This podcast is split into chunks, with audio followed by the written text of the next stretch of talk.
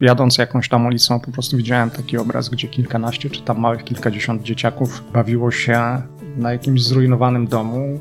Tam średnia wieku była, nie wiem, około 5 lat. Widać było, że te dzieciaki są zaniedbane po prostu do granic. Tak? A po drugiej stronie dwóch mężczyzn, no, gdzieś tam około 30, handlowało akurat prochami. Jak dzisiaj, tato, słuchasz tego, co ja mówię do ciebie, to powiedz, jak ma na imię najlepszy przyjaciel twojego dziecka? Jak nie wiesz, to mamy roboty do zrobienia. No i mi mój syn wtedy powiedział, tato, przyjechałeś na największy i najtrudniejszy wyścig rowerowy na świecie. Co ty myślałeś, że to będzie spacerek po starówce? Zakładaj buty i pedałuj. Ja mówię w tej chwili bez przesady, tak? Mieliśmy takie dni, kiedy żeśmy wstawali rano i ja wiedziałem, że nie mamy na chleb. To dosłownie w ten sposób wyglądało.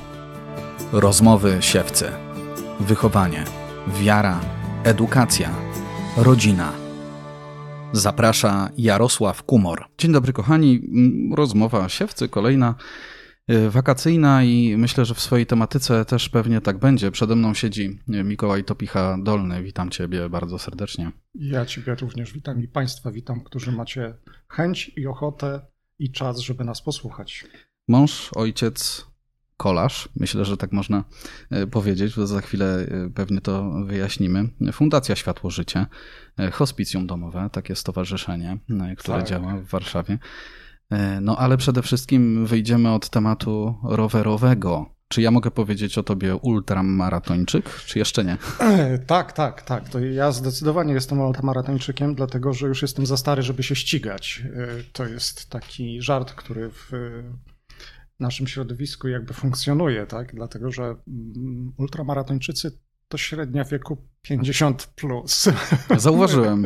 Nie mamy za bardzo szans na to, żeby, Zauważyłem, żeby y, patrząc na informacje mm, y, dotyczące y, wyścigu kolarskiego Race Across America.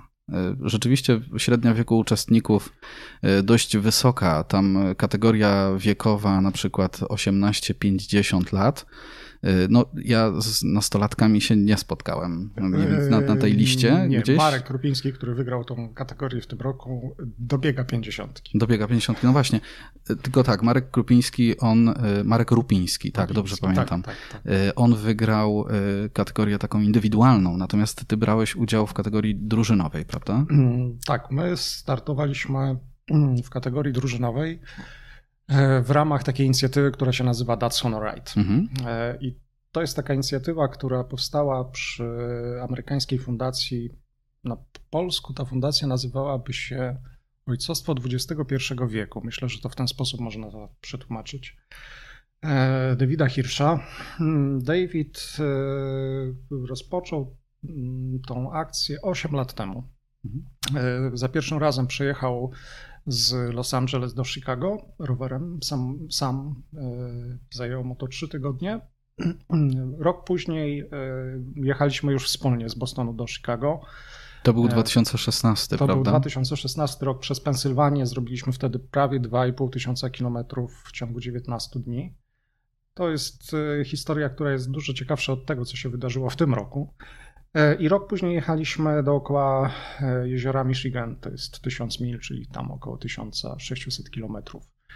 E, w następnych latach jakby trochę, to, trochę ta inicjatywa mm, została zawieszona, natomiast dwa lata temu, prawie trzy lata temu,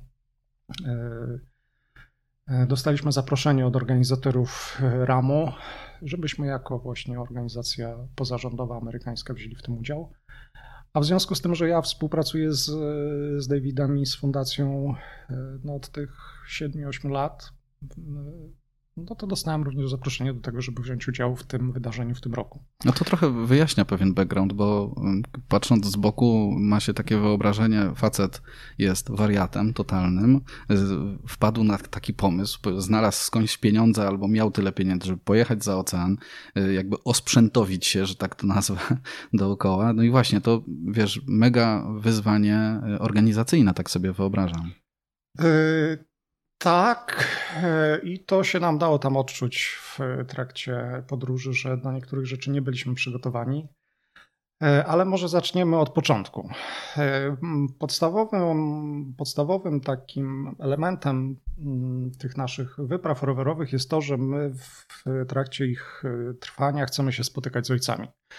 Dla Stanów Zjednoczonych jest to olbrzymi temat, dlatego że tam naprawdę miliony dzieciaków wychowują się w rodzinach rozbitych, gdzie tego ojca nie ma. Można znaleźć materiały dotyczące tego, ile to tam milionów tych dzieciaków się wychowuje. I ja, kiedy pojechałem tam pierwszy raz w 2016 roku, było to dla mnie dużym zaskoczeniem, tak? że, że te rodziny są naprawdę porozbijane i że jest tam tak, że to tak wygląda. Tak? Znaczy tutaj w Polsce to wszystko tak nie wyglądało. Teraz po tych 6-7 latach mogę spokojnie powiedzieć, gonimy ich. Gonimy ich tym, żeby dzieciaki się wychowywały w niepełnych rodzinach, żeby się wychowywały bez ojców. E, a to też przyniesie określone skutki. Tak? Tam e, mam, mieliśmy, mieliśmy spotkania na przykład e, z policjantami czy ze strażakami, którzy mówili jasno, tak, że dziecko wychowywane bez ojca to dla nich są to kłopoty. Tak? To jest tak, że nie wiem, na 9 na 10 zatrzymanych w mniejszym czy większym e, ośrodku miejskim, no to się okazuje, że większość z nich jest właśnie z rodzin rozbitych, gdzie, gdzie tego ojca nie było. E, I dlatego, e, dlatego ten element takich spotkań z ojcami, zupełnie przypadkowych na ulicy, bo my po prostu się gdzieś tam zatrzymujemy w czasie tej jazdy. Nie wiem, widzimy na przykład ojca, który tam huśta dziecko na huśtawce, nie wiem, czy przy domu, czy w jakimś parku. Po prostu się zatrzymujemy, próbujemy z nimi o tym porozmawiać. E, i jakby uhonorować ten wysiłek, który, e, który oni wykonują. E, to uhonorowanie wygląda w ten sposób, że i teraz to zrobimy. Tego nie możecie Państwo zobaczyć, ale musicie uwierzyć, jak to będzie wyglądało. Mm, są wybite specjalne medale dla, e, dla ojców, e, którzy podejmują to, to wyzwanie wychowywania swoich dzieci. W Stanach Zjednoczonych również tych dzieci przysposobionych. Tak? Tam jest e, to też takie zupełnie naturalne. I wygląda to w ten sposób, że do tego jest, do tego medalu, który został, honor, został ufundowany, jest odpowiednia historia. Jarek sobie tą historię później przeczyta. Jak będzie chciał, to się z Państwem podzieli. A ja teraz, tak jak to się robi, czyli na stojąco, chciałem Ci podziękować za cały wysiłek, który wkładasz w wychowywanie swoich córek i życzyć Ci wszystkiego najlepszego na rodzaju. Dziękuję. No, kochani, y, to nie była żadna ustawka. Tak, to nie była to ustawka. Jarek o tym nie wiedział. Mikołaj na początku rozmowy zaczął y, zaczął coś tam, e, prawda, kombinować, wydzierać z jakiejś karteczki. Ja w tej chwili w ręku trzymam medal z emblematami flagi amerykańskiej. Great Dads are present.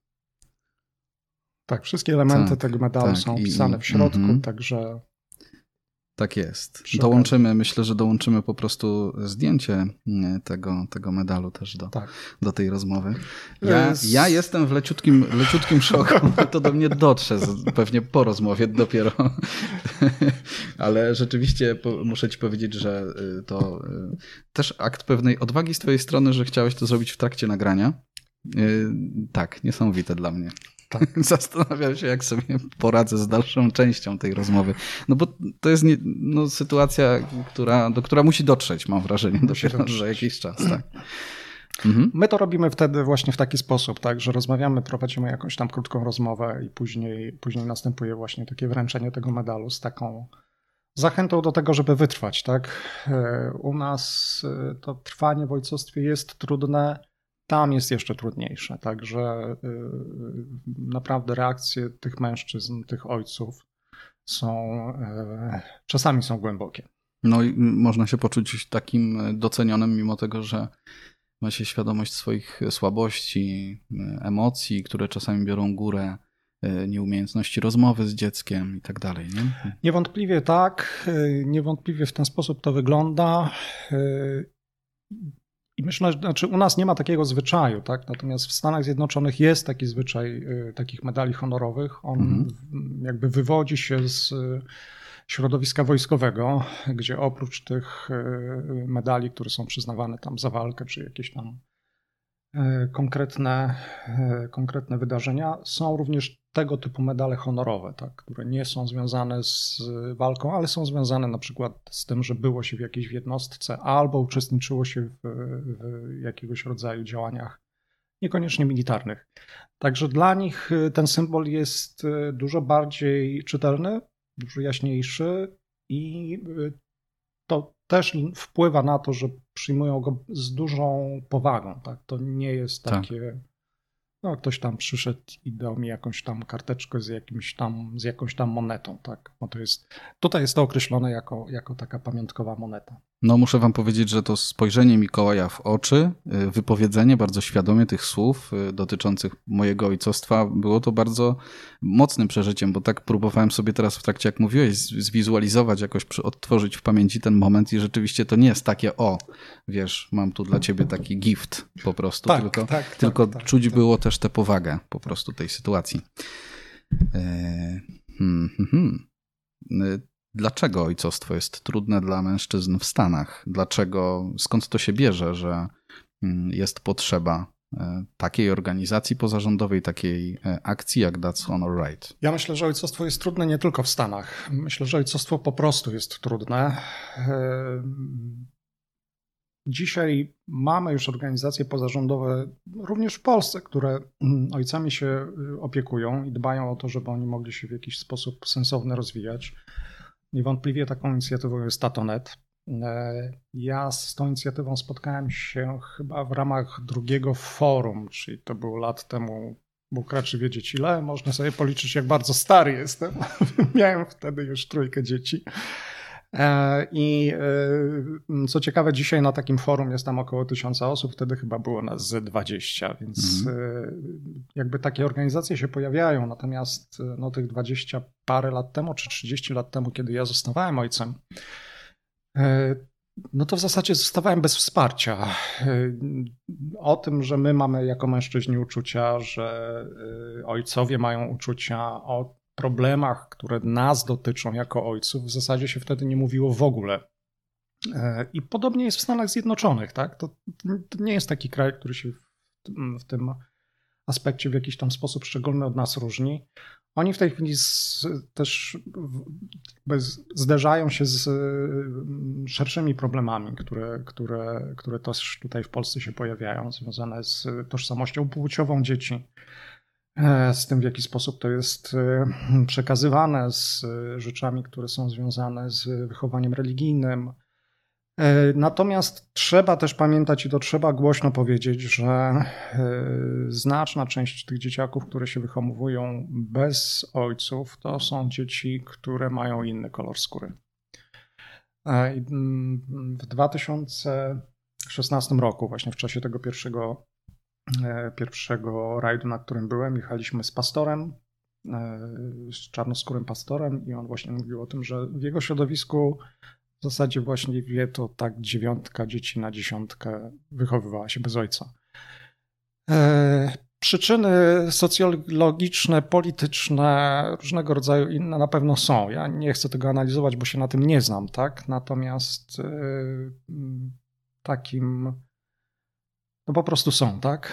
E, też mam e, taki obraz, zresztą przed wyjazdem teraz do Stanów e, wrzuciłem również na swojego face'a to takie krótkie nagranie dotyczące tego, jak wjechaliśmy do jednego z amerykańskich miast północy i jadąc jakąś tam ulicą po prostu widziałem taki obraz, gdzie kilkanaście czy tam małych kilkadziesiąt dzieciaków bawiło się zupełnie samodzielnie na jakimś zrujnowanym domu. Tam średnia wieku była, nie wiem, około 5 lat. Widać było, że te dzieciaki są zaniedbane po prostu do granic, tak? Znaczy, no, coś takiego, co my byśmy powiedzieli, że u nas działo się, nie wiem, tam w XIX wieku. Ja miałem taki odbiór oczywiście. E, a po drugiej stronie dwóch mężczyzn, gdzieś tam około trzydziestki, handlowało akurat prochami. Nie? I to jest taki, to, to co my widzimy i co, co możemy zobaczyć w jakichś tam filmach takich amerykańskich, normalnych filmach, które są w kinie puszczone i tak dalej, tam takie rzeczy się dzieją. I dla mnie to było szokiem. To, to, to, to naprawdę było tak, że, e, że, że, że, że zupełnie nie byłem w stanie tego jakby pojąć.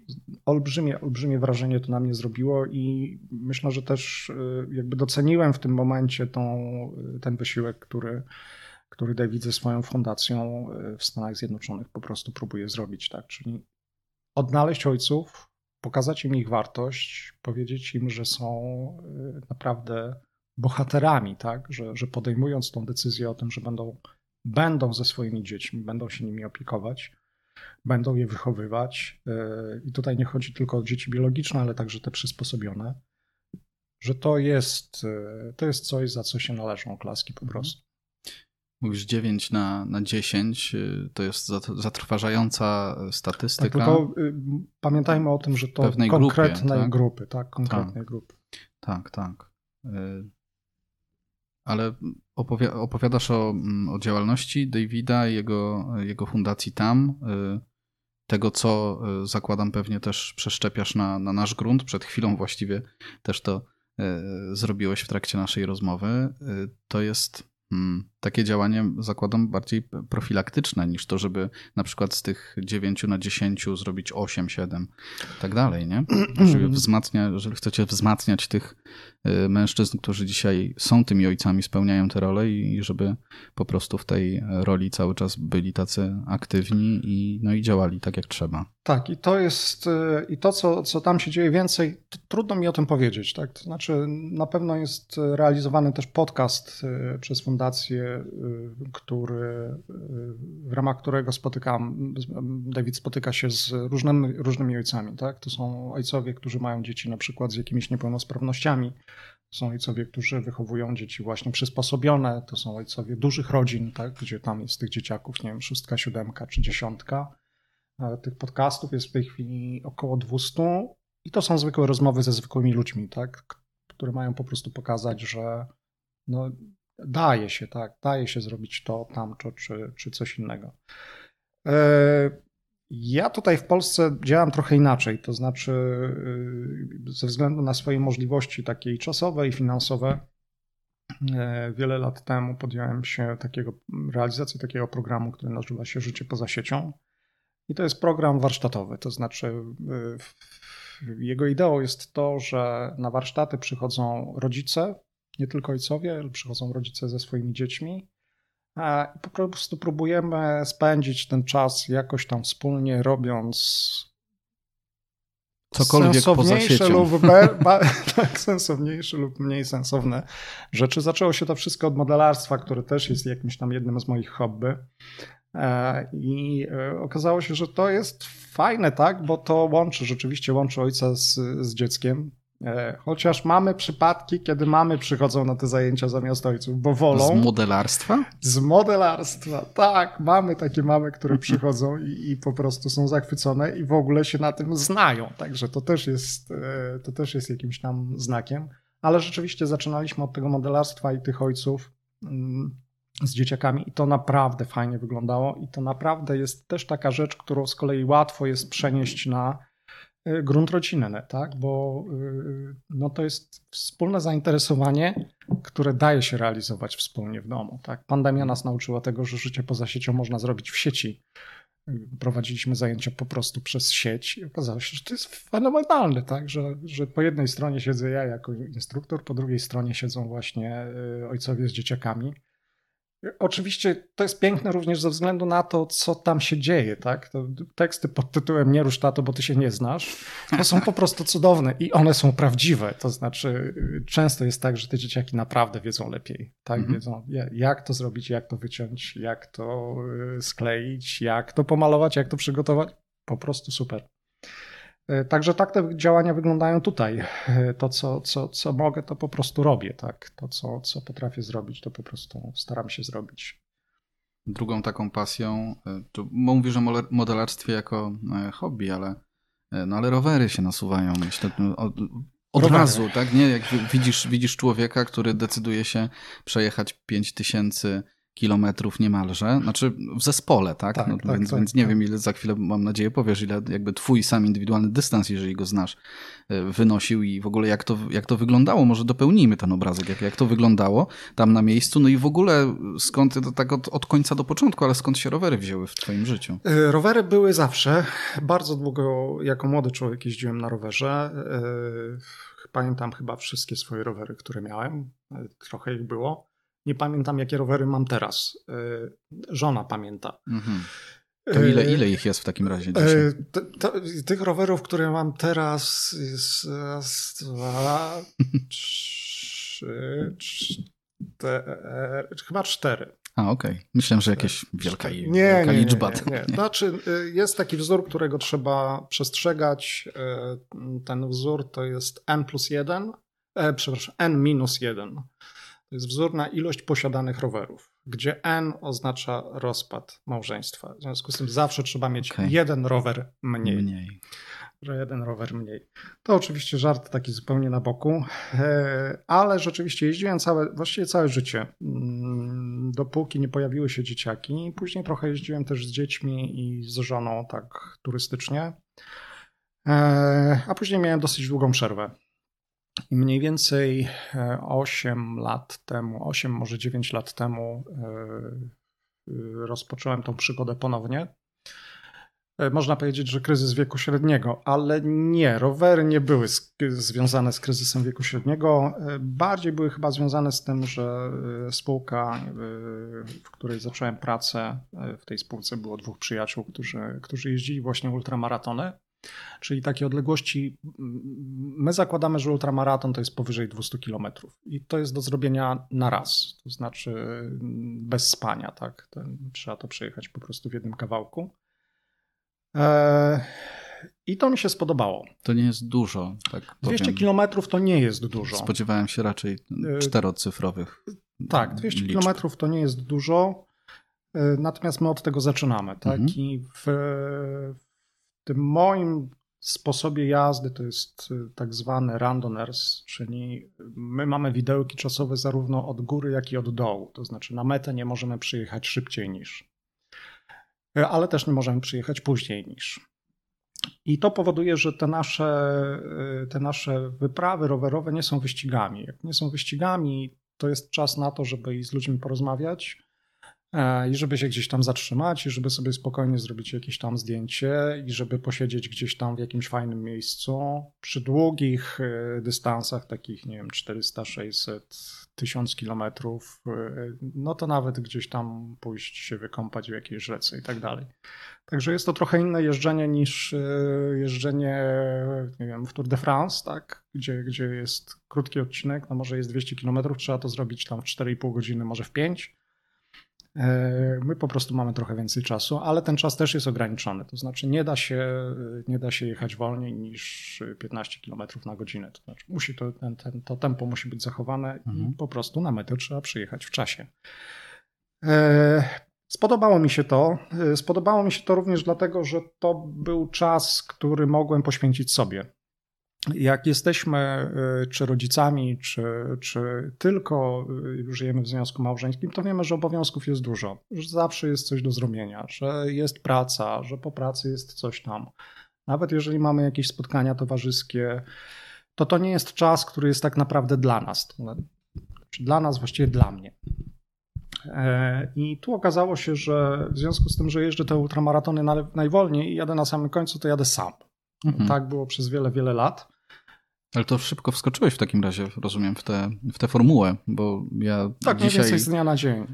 Tak? Okay. tak to wygląda. No właśnie, ja, ja wiesz, ja się zastanawiam nad sobą, nie? Ostatnio wbiłem sobie w mapy Google'a e, trasę na przykład z okolic Warszawy do moich rodzinnych gór świętokrzyskich no i tak ultramaratońsko to w takim razie wygląda, ale, ale dzisiaj robiąc po 30-50 kilometrów powiedzmy co parę dni, to zastanawiam się, czy wiesz, od razu bym w to wszedł. E, jeżeli to, znaczy wszystko zależy od systematyczności. To znaczy, jeżeli ktoś jeździ dziennie 30 kilometrów, codziennie, na przykład przez całe wakacje, dojeżdża do pracy, to spokojnie w weekend wsiada na rower i robi 200. To mhm. w ogóle nie jest jakimś tam problemem. Oczywiście jest kwestia sprzętu, jest kwestia tego, żeby ten sprzęt był dostosowany, żeby rower był przygotowany.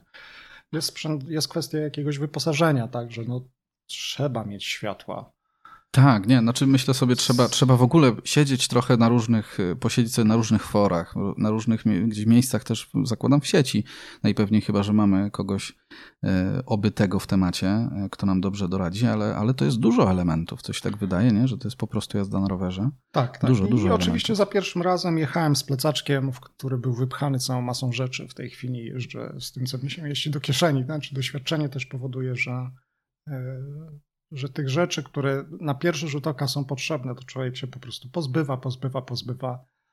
I później jeździ z tym, co mu się zmieści to, w kieszeni. Czego się tak? pozbywałeś z takich yy, najbardziej się nasuwających rzeczy? Na pewno, na pewno pozbyłem się różnego rodzaju zapasowych części ubioru. To znaczy okazało się, że nawet jak pada i pada w lecie, to wiatrówka jest absolutnie wystarczająca a jak jest zimno, to i tak mnie nie uratuje e, drugi zestaw, tak? To znaczy nie, nie, nie są to rzeczy, które są jakoś tam potrzebne. Zrezygnowałem z różnego rodzaju dużego e, wyposażenia elektronicznego, czyli tam staram się jeździć bez powerbanka. Co jest ryzykowne, ale jest. przy 200 kilometrach nie jest ryzykowne. Tak? No przy 200 kilometrach tak. zawsze mogę pójść na stację kolejową gdzieś tam w pobliżu, nawet jeżeli mam taką sytuację i po prostu wsiąść w pociąg i wrócić do domu. W tym roku e, jadąc 400 miałem, e, miałem awarię, e, awarię tylnego koła, bo okazało się, że zabrałem dętki, ale nie te, tak? I w 11 km musiałem na 400, 400 kilometrowym odcinku 11 km szedłem z buta, co się skończyło źle dla butów akurat, ale, mm -hmm. ale tak się zdarza, tak? To znaczy, trzeba się z tym liczyć. I, I dlatego to też, o czym mówiliśmy na początku, tak, średnia wieku. Znaczy, młodzi ludzie nie są odporni na tego typu rzeczy. Tak? I trudno jest im zaakceptować to, że, y, że to, no, odbierają to jako porażkę. Tak? To znaczy to, że nie dojechałem do mety no tak. w 16 godzin, tylko zajęło mi to 19 godzin, bo 3 godziny szedłem 11 kilometrów, y, no to jest to, jest to, dla nich jest to porażka. Tak? Dla mnie no, przeszedłem, zmęczyłem się, oczywiście klołem po drodze mm, tak, rozumiem, że. Aha, tak, okay. nie, emocjonalnie, wiesz, tak. Zastanowiłem się nad sobą, bo kiedy ja, ja dzisiaj na przykład stwierdzam, jadąc rowerem, że trasa przez, kawałek trasy przez las, no jakoś dam radę, ale generalnie wolałbym szosę i nagle robi się mi piaszczysty odcinek i wiem, że muszę te parę kilometrów przez ten piasek po prostu przeprowadzić ten rower, to klę jak szewc. No tak, to się zdarza. To się zdarza i to jest zupełnie jakby normalne i, i, i trzeba to jakoś tam y, po prostu zaakceptować. Natomiast w ogóle najważniejsze w takiej jeździe ultramaratonów jest to, żeby po prostu lubić siebie. To znaczy, jeżeli, jeżeli siebie nie lubię, jeżeli nie lubię spędzić czasu ze sobą to, to nie dam rady. Tak? Nie, rozumiem, że to nie jest tak, że masz słuchawki w uszach po prostu i jedziesz. Bardzo, znaczy jak jeżdżę do rodziców na działkę, to jest 100 km, to sobie zakładam słuchawki, tak? Bo to są tam dwa razy tam po półtorej godziny mi to zajmuje z przerwą na kawę gdzieś tam i na jakieś ciastko po drodze. I rzeczywiście tak. Natomiast jeżeli odcinki są długie, y, to nie, nie jeżdżę w słuchawkach. Jeżdżę bez słuchawek, nawet nie ze względu na bezpieczeństwo, tylko po prostu jakby ilość bodźców dźwiękowych jest wtedy dla mnie za duża. Tak? Mhm. E, to jest jakby jedną rzeczą, a drugą rzeczą to jest to, że ja również staram się jeździć z jakimś sensem. To znaczy, e, nie chodzi tutaj tylko o to, żeby przejechać te 200 km, ale żeby ten czas również w sensowny sposób spędzić. E, I ja będę mówił szczerze, na tym portalu mogę mówić szczerze, po prostu się modlę. To znaczy jest tak, że różaniec za różańcem, różaniec za różańcem y, to jest coś takiego, co y, jakby w ten sposób po prostu spędzam czas, tak. Jeżeli przychodzi zmęczenie, bo oczywiście jakoś tam przy tych długich dystansach, takich no przynajmniej tych 300-400 kilometrów, rzeczywiście przychodzi zmęczenie gdzieś tam po jakimś czasie, po tych paru, mm, więcej niż paru, powiedzmy po 10 godzinach jazdy, to wtedy staram się modlić też e, taką adoracją tego wszystkiego, co Pan Bóg gdzieś tam przygotował naokoło, tak? Czyli po prostu dziękować Mu za to wszystko, co mogę zobaczyć. A, a z roweru można zobaczyć niesamowicie dużo, jak się nie pędzi. Chyba, że się pojedzie na ram to wtedy jest inaczej. No widzisz, góry, widziałem trochę zdjęć, nie? Ty widziałeś, ja nie. Nie? nie. Ale wpisy masz e, gdzieś u siebie na blogu. Widziałem te wpisy, tam troszkę zdjęć było widać. Nie? Tak, to prawda. Nie widziałeś tych gór, tak? Nie, Jak pędziłeś znaczy, przez ta palachę i tak znaczy, dalej? To jest, to jest w ogóle śmieszne, tak? To teraz możemy przejść do tego, co jest, e, co jest związane właśnie z tym ramem i co jest związane ze ściganiem się. Mhm. E, I czego ja, za czym ja nie przepadam. My widzimy asfalt znaczy w momencie, kiedy zaczynamy się ścigać, my naprawdę widzimy asfalt. To znaczy, to jest jed... znaczy podnoszenie głowy służy tylko i wyłącznie temu, żeby skontrolować, czy droga jest w porządku. E, jechaliśmy w bardzo, jeżeli chodzi o RAM, jechaliśmy w bardzo specyficzny sposób, bo jechaliśmy czteroosobową grupą, która była podzielona na dwa zespoły e, i każdy z zespołów obejmował jazdą 4 godziny. I teraz, ja wiem, że jak Państwo tego słuchacie, to jak się nie zacznie robić wykresu matematycznego, to nikt nic nie zrozumie. W ciągu tych czterech godzin nie miałem pół godziny jazdy, później miałem pół godziny przerwy, pół godziny jazdy, pół godziny przerwy, pół godziny jazdy, pół godziny przerwy. I tak aż do uzupełnienia tych czterech godzin. E, I 30 e, minut, które ja spędzałem na rowerze, to było 30 minut maksymalnego wysiłku. To znaczy nie to, że ja sobie tam będę dreptał i będę Sprint. miał tam 20 km na godzinę, tylko ja po prostu muszę ciężko pracować. Czyli ile kilometrów na godzinę średnio to mogło e, być? Nie mam zielonego pojęcia, e, głównie dlatego, że robiłem wszystkie podjazdy, a podjazdy robi się wolniej.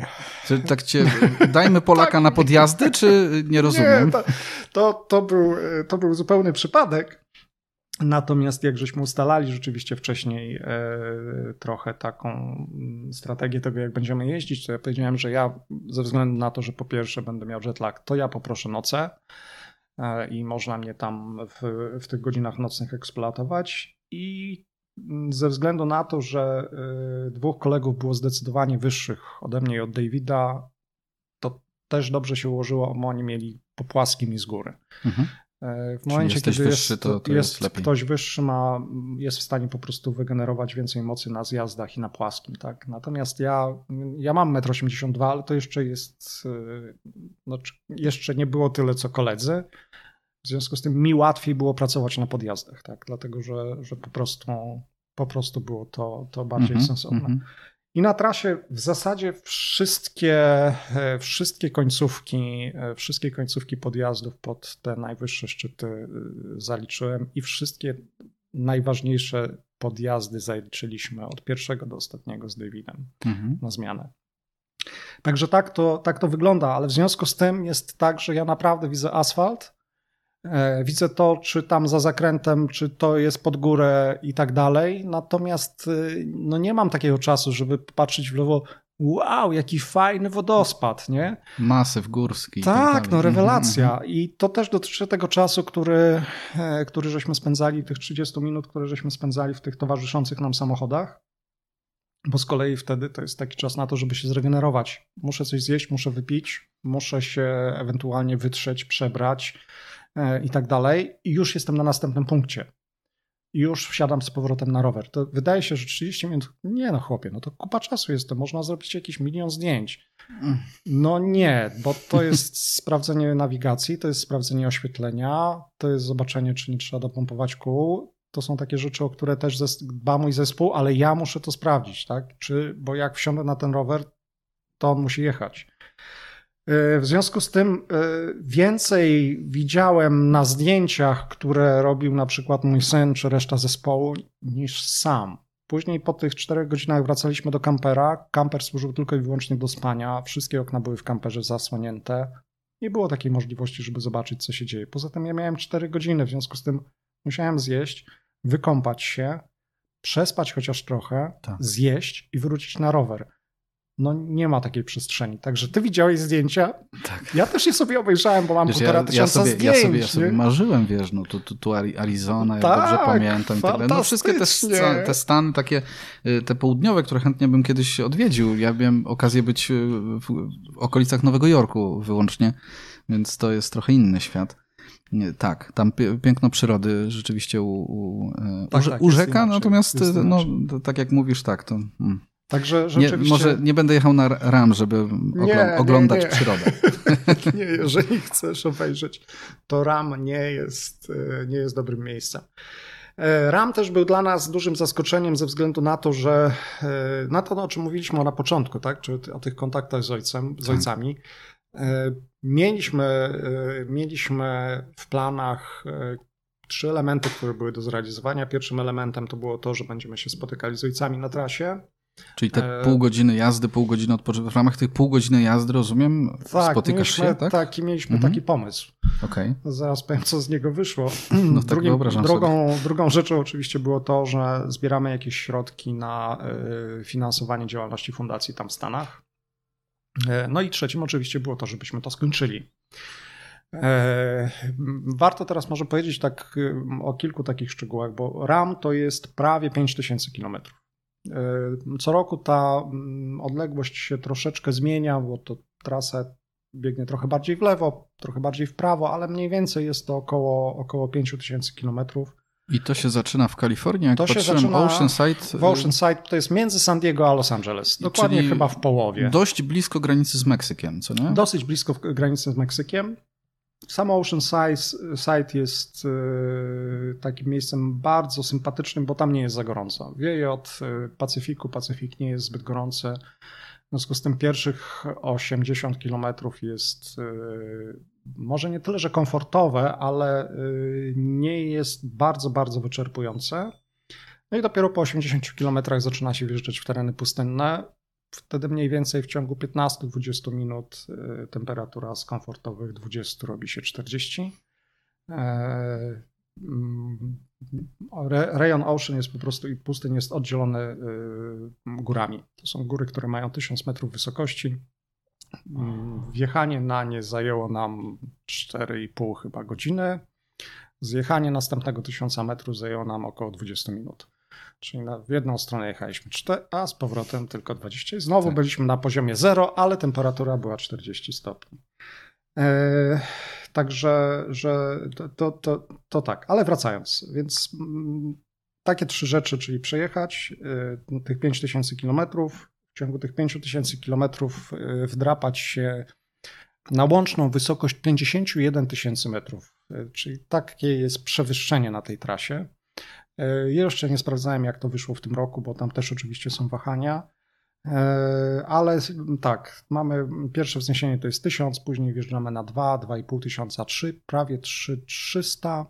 Długi czas jedziemy na wysokości prawie 2000 metrów. To jest tam małych kilkaset kilometrów jedziemy przez pustynię na takiej właśnie wysokości. E, później znowu jakieś tam 2200-2500. Później jest długo, długo płasko, e, co wcale nie jest niczym, niczym fajnym, bo w górach zawsze są zjazdy, więc można chwilę odpocząć. Na płaskim zawsze się pracuje. I na końcu są apalachy, które są takim gwoździem do trumny. Tak? I te apalachy, pomimo tego, że nie są wysokie, to są dosyć uciążliwe.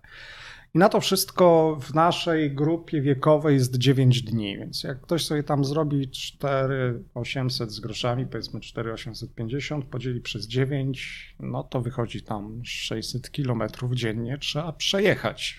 W ciągu 24 godzin trzeba przejechać co najmniej 600 kilometrów. My byliśmy również ograniczeni tym, że musieliśmy to zrobić maksymalnie w 8 dni. Mhm. Ze względu na to, że nie mogliśmy skończyć w poniedziałek, musieliśmy skończyć tu w niedzielę, e, więc e, musieliśmy jechać trochę szybciej. Dlaczego akurat tak? E, w poniedziałek chłopaki szli do pracy. tak. To dość prozaiczny no, powód. No, ale, zupełnie. No ale zupełnie, jednak nie. No tak, zupełnie. Tak. Także, że tak. Więc tak to wyglądało fizycznie, znaczy tak to wyglądało, jeżeli chodzi o trasę. No i my oczywiście w swoim błogiej nieświadomości uznaliśmy, że tam spoko, w ciągu tych 30 minut to się zatrzymamy na jakiejś tam stacji benzynowej, z jakimś ojcem pogadamy i tak dalej, i tak dalej. I w ogóle luz. I to była rzecz, której żeśmy nie zrealizowali w ogóle. Z nikim nie rozmawialiście po drodze? W trakcie jazdy tych 7 dni, 18-19 godzin, które żeśmy spędzili w drodze, pogadaliśmy może z trzema ojcami, tak? To mhm. Normalnie, gdzie żeśmy się spotykali w ciągu dnia w poprzednich latach, y, tam nie wiem, z dziesiątką tych ojców, tak? Z ósemką, tak? Czy tam wszystko jedno, nie? Tutaj w ciągu siedmiu dni udało nam się zaczepić trzech okay. czy czterech. Oczywiście zrobiliśmy to również przed e, startem i, po, i również na mecie, tak więc jakby tam, gdzie się to dało zrobić, to żeśmy to wykorzystali, ten czas. Natomiast, e, natomiast e, jeżeli chodzi o to, co żeśmy zaplanowali w trasie, to nas przerosło zupełnie. Przerosło nas na tyle, że w momencie, kiedy byliśmy już na mecie, ja naprawdę odczuwałem głęboką frustrację tym wszystkim, co się wydarzyło. Mhm. I dzisiaj, jak już minęło kilka tygodni, to patrzę oczywiście na, tą, na ten cały wyścig zupełnie inaczej. Znaczy, rzeczywiście potrafię się uśmiechnąć, mogę powiedzieć, to naprawdę był fajny czas. E, to naprawdę był mm, efektowny i efektywny wyjazd. Natomiast gdyby ktoś mnie zapytał o to na mecie, to bym powiedział, nie, no to w ogóle było bez sensu. 7 dni zupełnie bez sensu. Widziałem cię podczas transmisji na Facebooku y, na mecie na podium. Y, no, nie dało się po tobie poznać frustracji, ale rozumiem, że było to na potrzeby Tak, znaczy wypłakałem wywiadu. się, znaczy to też widać zresztą na, na, na tej transmisji, wypłakałem się zanim weszliśmy na podest. Okay. Znaczy był taki moment, kiedy tam żeśmy przejechali tą metę, zresztą żeby było ciekawie, to w ogóle nie była meta, ale...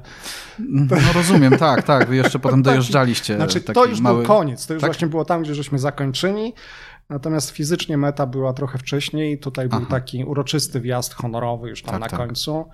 I rzeczywiście tam potrzebowałem kilku minut, żeby dojść do siebie, e, żeby to wszystko strawić. I, i... No ale to rozumiem, miałeś e, oczekiwania właśnie e, takie związane z rozmowami z ojcami tak, potencjalnie, tak? Tak, tak? To, to, tak, chodziło, tak? tak? Znaczy miałem, miałem takie oczekiwanie, że poza tym, że właśnie to sobie przejedziemy, to również, to również uda nam się zrealizować ten pierwszy punkt, czyli no spotkać z tymi ludźmi, tak, porozmawiać mhm. z nimi. No, dla mnie to jest ważne, tak, znaczy, nawet jak jeżdżę tutaj w Polsce y, rowerem i nawet jak jeżdżę sam, to zatrzymanie się gdzieś, y, czy przy stacji benzynowej, czy gdziekolwiek, tak, i porozmawianie z ludźmi. Ty o tym na, decydujesz. Na jakikolwiek i... temat. To mhm. jest wartość. Znaczy spotykam no tak. tych ludzi i mogę jakoś tam się i swoim życiem podzielić, ale też usłyszeć kawałek ich życia to, to nie są rzeczy, które się zdarzają. Tak? Jak wyjdziemy do Warszawy i spróbujemy kogoś zaczepić, żeby z nami porozmawiał. To jest w ogóle dla ludzi piekielnie trudne. Tak. Po prostu, tak dla, dla mnie. Wyobrażam sobie, trudno by tak, mi było, nie? Tak. No ja jestem introwertykiem, więc mi jest łatwo. No, tak. Mhm. Więc siebie też postrzegam jako introwertyka. Nie powiedziałbym, że jest mi łatwo. Rozumiem, że to był swego rodzaju żart w tym y, momencie. Nie, znaczy to, to jest żart oczywiście dlatego, że jest mi niezwykle trudno, ale jakby yy, widzę w tym wartość. Mhm. Znaczy widzę wartość w tym, że... że Też wiem, przełamujesz się. Tak, na pewno. Na pewno tak. Na pewno tak. Był twój syn w ekipie y, waszej na, na ramię i yy, i to było tak, że e, wasza relacja jakoś funkcjonowała w tym czasie? On też widział ciebie i myślał sobie, tata jest naprawdę kozak? Yy... Czy, czy generalnie to było czysto operacyjne działanie? Yy... Ja o tym napisałem parę słów, mhm. także tam na, na, na stronę fundacji można wejść i zobaczyć, jak to wyglądało. Mój wyjazd był uzależniony od tego, że Michał będzie chciał pojechać. I to wiązało się głównie z dwoma rzeczami. Po pierwsze, mój angielski jest świetny, ale w jedną stronę. To znaczy, ja potrafię zakomunikować wszystko, co potrzebne mi jest, natomiast totalnie nie rozumiem, jak się do mnie mówi. Okay. I to na takim poziomie pod tytułem, czy zarezerwować ci bilet do metra. To ja nie wiem, o co mnie pytają, ale mogę później odpowiedzieć w bardzo złożonych zdaniach, co ja myślę na temat tej rezerwacji, jaka ona powinna być i tak no, dalej. Na podium nie wyglądało to tak źle. Generalnie. Tak, tak, tak, tak, tak. To jest prawda. Bo, bo Mikołaj po angielsku udzielał tam wywiadu takiego krótkiego. To jest, e, to jest, e, to jest prawdą jeszcze. To, to, właśnie w ten sposób wygląda. Także jeżeli mam złożyć jakąś wypowiedź, to to nie jest dla mnie kłopot. Mhm. Natomiast miałem świadomość tego, że to jest trudna trasa, to będzie wymagająca trasa, to będzie trasa, która będzie wymagała szczególnej komunikacji i ja muszę mieć pewność, że to, co zostało do mnie powiedziane, to ja zrozumiałem. W 2017 roku y, mieliśmy taką sytuację, kiedy y, jechaliśmy właśnie dookoła Michigan i y, prowadzący, prowadzący kampera zatrzymał mnie przy drodze i mówi ok, i ja natychmiast skręciłem w pierwszą w prawo. Dobrze, że mnie znaleźli. Tak, Don jest z pochodzenia Czechem, więc jego angielski był dosyć specyficzny ale to tak jest, tak? Tam każdy -hmm, po angielsku tak, jednak tak. mówi trochę inaczej i, i ciężko czasami im nawet między sobą się dogadać, więc tutaj ze względu na bezpieczeństwo to ja tego potrzebowałem. E, I także ze względu na to, że to jest That's on a Right. To no tak. znaczy, tak. Tam dzieci, Jedziemy wasze dzieci były w ekipie po, tak, generalnie, Tak, tak. I w, mm. zarówno w 2016, jak i 2017 roku ciągle ktoś nas pytał, gdzie są nasze dzieci? No, gdzie są no nasze tak. dzieci? No, nasze dzieci są dorosłe, nasze dzieci coś tam już w życiu robią, ale y, tutaj chyba wspólnie żeśmy doszli do takiego wniosku, nie, no pojedźmy wspólnie, pojedźmy razem, tak? Każdy z nas tych dzieciaków trochę tam ma, Dave ma piątkę, ja w zasadzie też mam piątkę, bo najmłodszy syn jest już w niebie. E, Scott ma e, dwójkę tylko, ale nie, pojedźmy z nimi, tak? Pojedźmy z nimi. I to, była, to był taki drugi element, dla którego ja chciałem, żeby Michał ze mną pojechał. To jest tak. Michał także brał czynny udział w moich przygotowaniach. To znaczy, on się zajmuje, zajmuje pracuje jako trener personalny. Mówi ludziom, jak mają ćwiczyć, co mają ćwiczyć, w jaki sposób mają osiągać tam swoje, swoje efekty, które chcą osiągnąć. E, no i tutaj jakby musztrował mnie prawie przez tam rok czasu, a przez pół roku już tak naprawdę ostro, żebym ja po prostu dał radę, tak? dlatego mhm. że, że ten wysiłek jest olbrzymi tam na miejscu. E, I myślę, że to się udało. Jak patrzę na swoje wyniki, na jakieś tam fragmenty z, z systemu pomiaru tam czasu, przyjazdów i tak dalej, i tak dalej, to mogę powiedzieć, że zrobiłem więcej niż się spodziewałem. E, I mam świadomość tego, że to jego takie ciągłe popychanie mnie, a dzisiaj ćwiczyłeś, a dzisiaj co robiłeś, a ile tego, a ile ta, a to jak i tak dalej, a to teraz to zmieńmy coś, bo tutaj coś nam nie wychodzi, było rzeczywiście, rzeczywiście dla mnie bardzo ważne. No i przede wszystkim bardzo ważne było to, jaka była jego postawa tam na miejscu, tak? To znaczy, tak jak napisałem na blogu, tak? Znaczy, jak jak żeśmy się widzieli, to Michał pytał: Spałeś? Ile czasu? Jadłeś? Ile? Piłeś? Ile? Jak psychika? Mhm. To był taki zestaw rzeczy, które po prostu musiały zostać odhaczone. Do tego dochodziły jakieś sprawy techniczne, powietrze w kołach, lampy, ubrania. Yy, w związku z tym ja się czułem zadbany. I, I, to, było, to było rzeczą niezwykle ważną. Myślę, że to nie, niewielu ojców w ogóle ma możliwość doświadczenia tego, że to jego, będąc w moim wieku, tak, znaczy ja nie mam 80 lat, nie jestem leżący na łóżku, że jego syn jakby dba o to, żeby ojciec dobrze funkcjonował. Wiesz, znaczy, żeby funkcjonował. Znajdujesz się w takim położeniu, że twoje dziecko zasadniczo cię prowadzi przez tak, pewną rzeczywistość. Tak, nie? Tak, I dla tak. wielu ojców coś kompletnie nie do wyobrażenia. Nie? To jest trudne, tak? Dlatego, że y, zmieniamy, y, zmieniamy pozycję. Znaczy, mój syn się zajmuje czymś zawodowo, ja nie będę z nim dyskutował, bo ja się po prostu na tym nie znam. No i, i jakby i mieliśmy rzeczywiście taką jedną sytuację e, tam któregoś, którejś nocy rzeczywiście już było ze mną bardzo, bardzo słabo. To znaczy e, psychika mi siadała już mocno e, i to się odbijało na, odbijało się na, na, moim, na, na, moim wysiłku. Tak? Znaczy, zawsze mówimy w ultramaratonach, jedzie głowa. Ciało to zniesie wszystko. Mhm. Głowa jedzie. Jeżeli głowa sobie nie radzi, no to tam jest jeszcze jedna ścieżka, ale to nie kiedyś indziej. Mm, no to, to nie, to nie pojedziesz. Możesz być świetnie wypoczęty, możesz być najedzony, może być super pogoda, głowa mówi nie jadę i nie jedziesz. No i miałem taką właśnie sytuację, że po, tam po walce, prawie dobie walki ze sobą, tam z różnymi wątpliwościami i tak dalej, mówię, nie no, synek, nie daje rady. No hmm. i mi mój syn wtedy powiedział, tato, przyjechałeś na największy i najtrudniejszy wyścig rowerowy na świecie. Co ty myślałeś, że to będzie spacerek po starówce? Zakładaj buty i pedałuj. Tak, teraz sobie przypominam ten fragment. Tak. Akurat, i... akurat ten moment przeleciałem tylko oczami, więc nie wczytywałem się. I to był taki tak. moment, w którym, e, w którym e, no, mój syn stanął w, pełnej, w takim swoim pełnym autorytecie. Powiedział, nie zawracaj głowy. To, co ty sobie wyobrażasz? Hmm. No to, to, to nie jest coś takiego, co, co każdemu, nie wiem, każdy ojciec od każdego dziecka coś takiego jest w stanie przyjąć. Nie? Więc y, na pewno ta nasza relacja zmieniła się. Po prostu przez to wydarzenie, czy przez przygotowanie? Cały ten, cały ten okres i przygotowań, i tego pobytu tam. E, I, I, właśnie takie wydarzenie krótkie, nie? Pod tytułem nie no, chłopie, no, tak. bez żartów. To jest wyścig. To jest wyścig. Nie spacerkiem. Zasuwaj.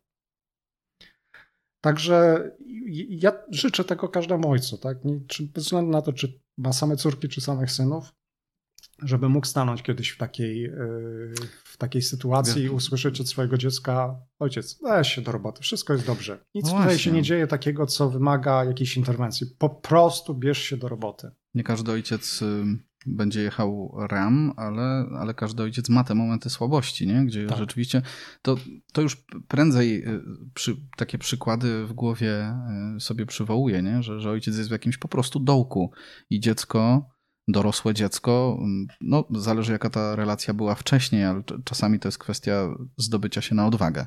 Po prostu, żeby ojcu powiedzieć parę też gorzkich słów, no bo właściwie to było parę gorzkich słów tam na trasie, nie? No, to nie wiem, czy te słowa były gorzkie, bo ja je przyjąłem z ogromną wdzięcznością. Mhm. One były prawdziwe po prostu, tak? Natomiast to, o czym mówisz, no to, to y, my pracujemy jako ojcowie całe życie nad tym. To znaczy, gdybym jakoś tych relacji nie próbował ze swoimi dziećmi budować przez te lata, kiedy, kiedy one tutaj w domu były, czy jeszcze ta najmłodsza córka jest, y, no to byśmy nie pojechali razem. Ja tego nigdy nie usłyszał, tak? Także, także wszystko się zbiera do kupy, tak? To, to, to nie są jakieś wyrywki. To, tak, to jest tak. całość. No, wspominałeś model. A może jeszcze do, dopełnijmy ten obrazek, bo to może być ciekawe i za chwilę zapytam jeszcze o, o tę przestrzeń ojcowską, właśnie budowania relacji z dziećmi, po prostu two, e, two, Twoich relacji e, w poprzednich latach. Natomiast od strony takiej organizacyjnej, ty byłeś na y, That's Honor Right zaproszony po prostu przez tamtą fundację, czy to był jakiś wysiłek finansowy twój też, żeby w ogóle tam w Stanach się yy, znaleźć i mieć To ja teraz będę mówił jak nie? jest. Hmm? Udział w RAM dla zespołu to jest koszt około 250 tysięcy. E, mówię o tym otwarcie, dlatego że po pierwsze takie pytania były, po drugie robiłem, e, to było moje kolejne podejście do RAMu, chociaż pierwsze w takiej formie, tak? No, bo mm, miałem możliwość e, uczestniczenia w przygotowaniach do, do ramu jednego z polskich zawodników. On nie pojechał wtedy, to głównie z powodów finansowych. Warto też powiedzieć, że RAM, e, czy to w teamie, czy solo, od 1984 roku skończyło tylko sześciu Polaków. Tak. Na Monteverest weszło więcej Polaków niż ukończyło ten wyścig. To jest jakby jedną rzeczą. Mówimy o tej kategorii takiej indywidualnej, Mówimy nie? Tak? i o indywidualnej, I, i o grupowej, tak? Znaczy nas skończyło sześciu. Trzech solo i trzech e, w teamach. Doborowe e, grono. Doborowe grono. I z tego myślę, że możemy być wszyscy sześciu, możemy być dumni. Moim zdaniem to jest e, na poziomie medalu olimpijskiego. I to bez zażenowania powiem, że ja to po prostu tak postrzegam. E, zresztą w świecie kolarskim to też jest tak postrzegane, tak? Jak masz koszulkę, na której jest napisane, że ukończyłeś RAM, no chłopie, no to w zasadzie... Nie ma nic więcej. Nie ma nic więcej. No, rozumiem w tym, w tym e, segmencie kolarstwa amatorskiego. W tym tak? segmencie Bo... kolarstwa, dlatego że nawet Tour de France jest łatwiejsze. Jest kró krótsze generalnie też e, dystansowo, jest nie? Krótsze dystansowo, jest mniej przewyższeń i trwa trzy tygodnie, a nie siedem dni. to... Rozumiem ci, którzy startują, y, nie są zawodowcami, nie? I o, o tym myślę, no bo nie są tak najczęściej tak jest. Nie pewnie. są zawodowcami, hmm. zawodowcami, rzeczywiście jesteśmy amatorami, natomiast amatorstwo musi być na odpowiednim poziomie. O naszym teamie nie było, to jest też inna historia. Ale y, wracając jakby do, do, do tych kosztów. Y, koszty są dlatego, że jest koszt wpisowy, który tam w zależności od tego, czy startuje się solo, czy w, w dwóch, czy w czwórkach, czy w ósemkach, bo takie też teamy są możliwe, jest różne.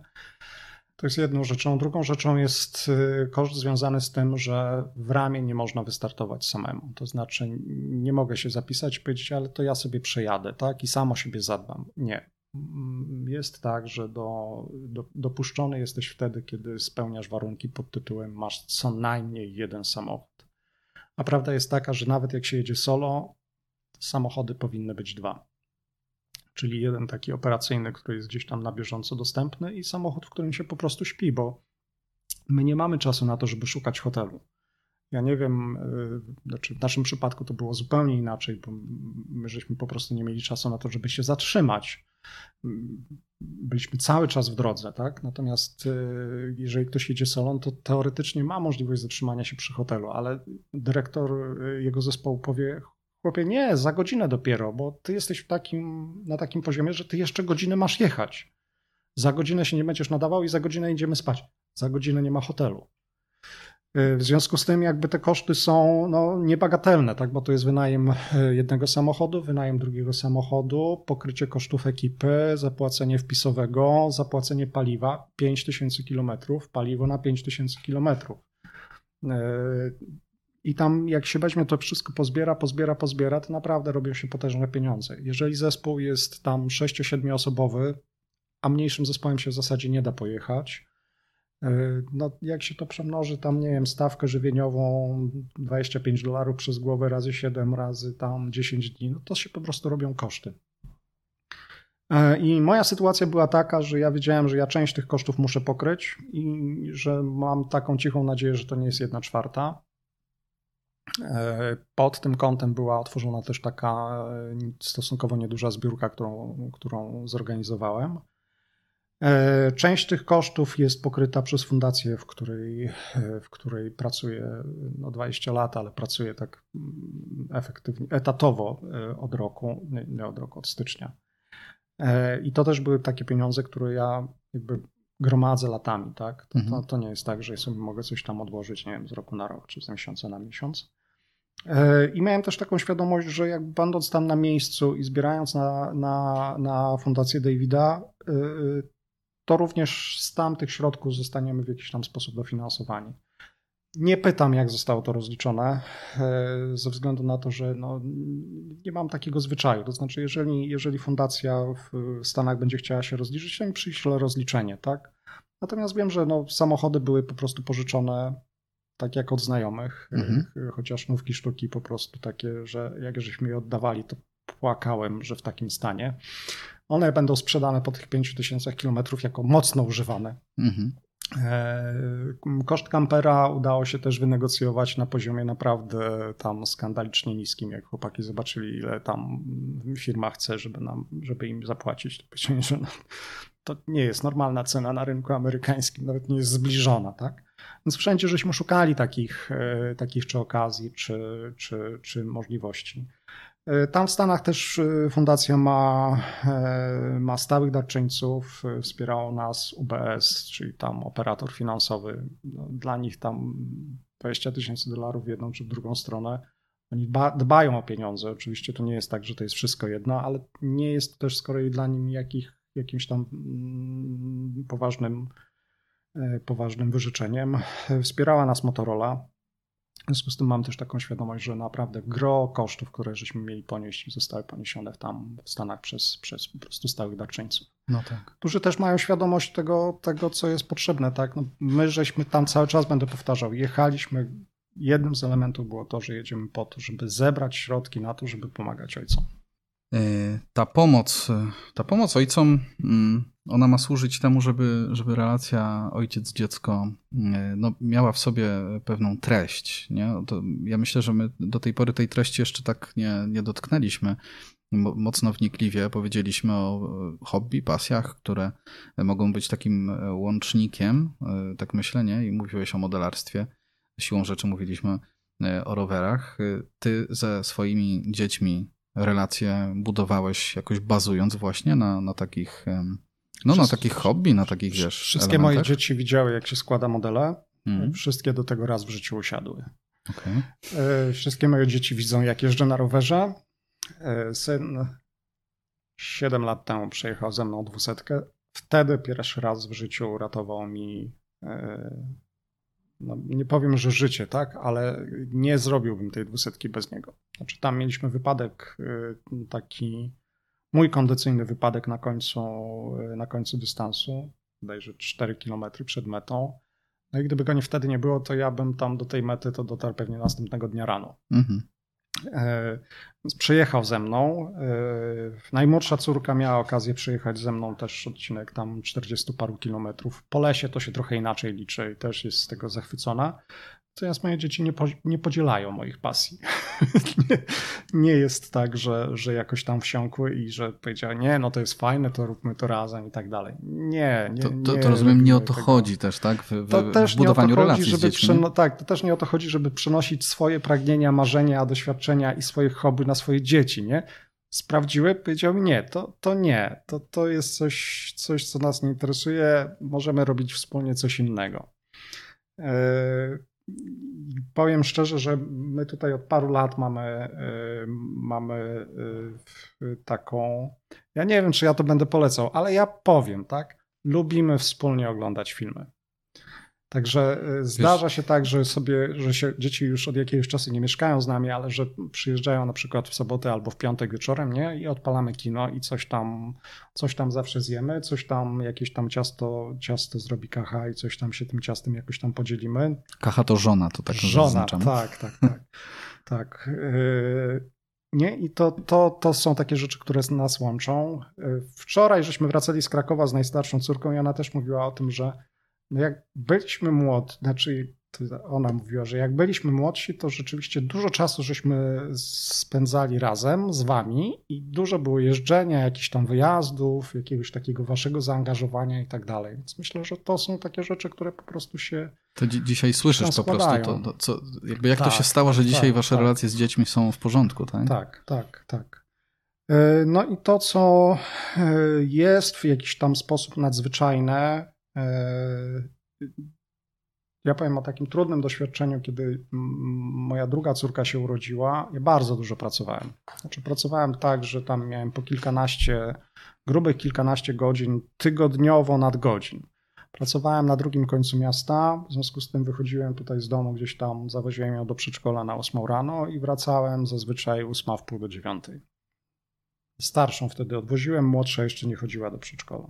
I straciłem całe jej dzieciństwo, całe pierwsze trzy lata jej życia po prostu straciłem, bo ja widywałem się z nią przy wieczornej kąpieli i w weekendy. E, I kiedy miała się urodzić e, Agnieszka, to ja po prostu zrezygnowałem z pracy w takim full wymiarze, czyli nasza najmłodsza córka.